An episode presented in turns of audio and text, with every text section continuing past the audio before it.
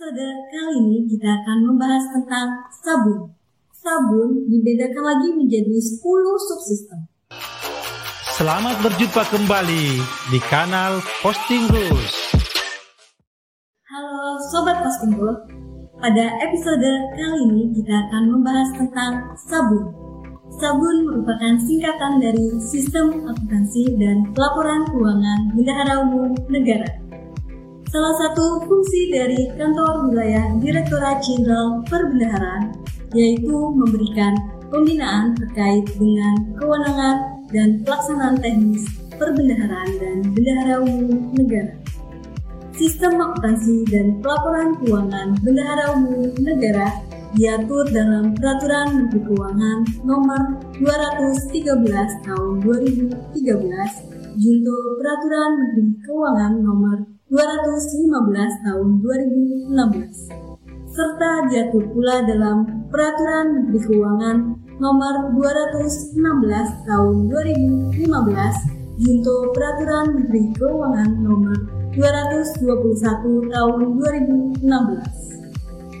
Nah, sebelumnya kita akan membahas terlebih dahulu tentang Sistem Akuntansi Pemerintah Pusat. Sistem Akuntansi Pemerintah Pusat atau SAPP merupakan rangkaian sistematik dari prosedur penyelenggara, peralatan, dan elemen lain untuk mewujudkan fungsi akuntansi sejak pengumpulan data, pencatatan, pengiktisaran, sampai dengan pelaporan posisi keuangan dan operasi keuangan pada pemerintah pusat. Apa sih ciri-ciri dari SAPP? Nah, ciri-ciri dari SAPP yang pertama yaitu basis akuntansi yang digunakan dalam laporan keuangan pemerintah yaitu basis aktual. Terkecuali untuk laporan realisasi anggaran selama APBN disusun menggunakan pendekatan basis kas, maka laporan realisasi anggaran juga disusun menggunakan pendekatan basis kas.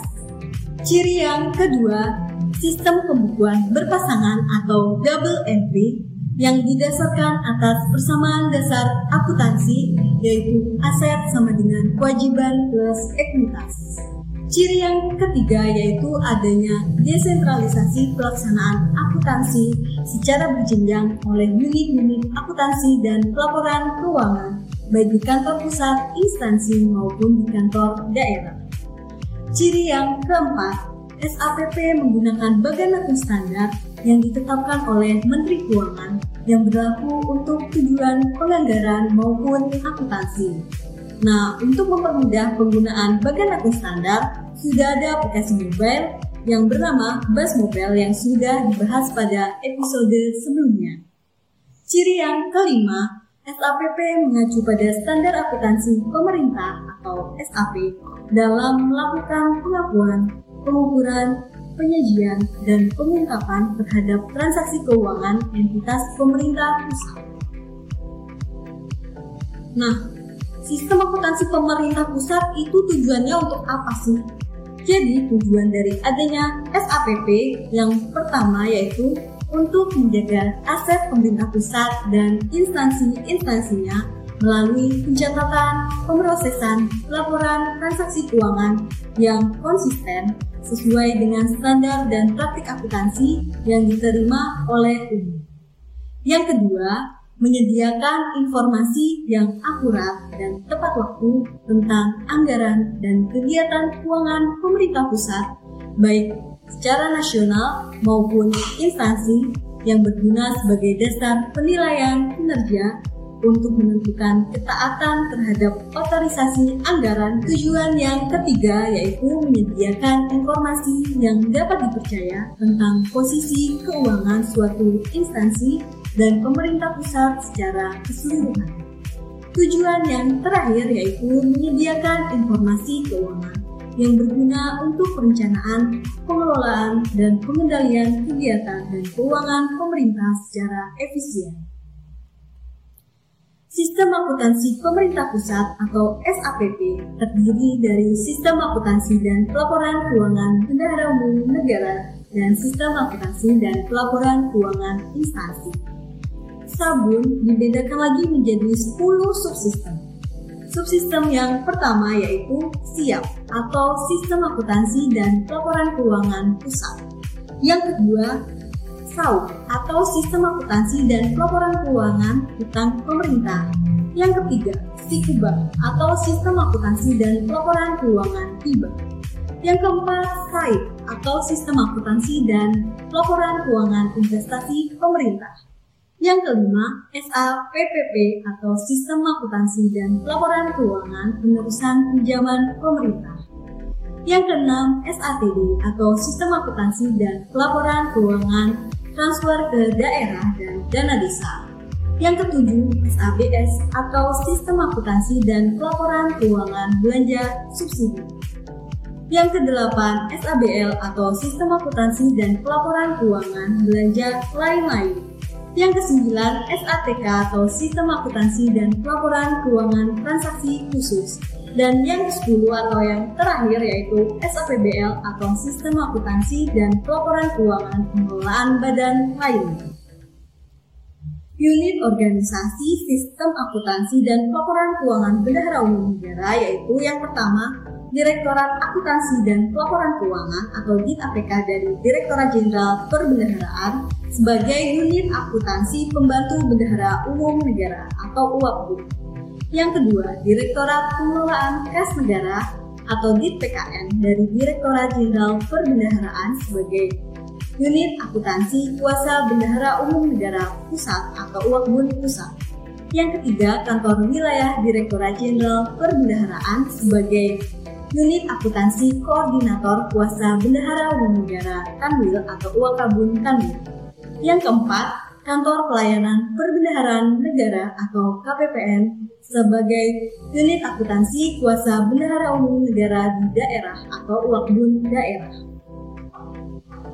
KPPN selaku unit akuntansi kuasa bendahara umum negara Uakbun daerah mempunyai tugas yang pertama yaitu memproses data transaksi penerimaan kas melalui rekening kuasa bun daerah seperti surat setoran pajak, surat setoran bukan pajak, surat setoran bea cukai, dan surat setoran pengembalian pajak.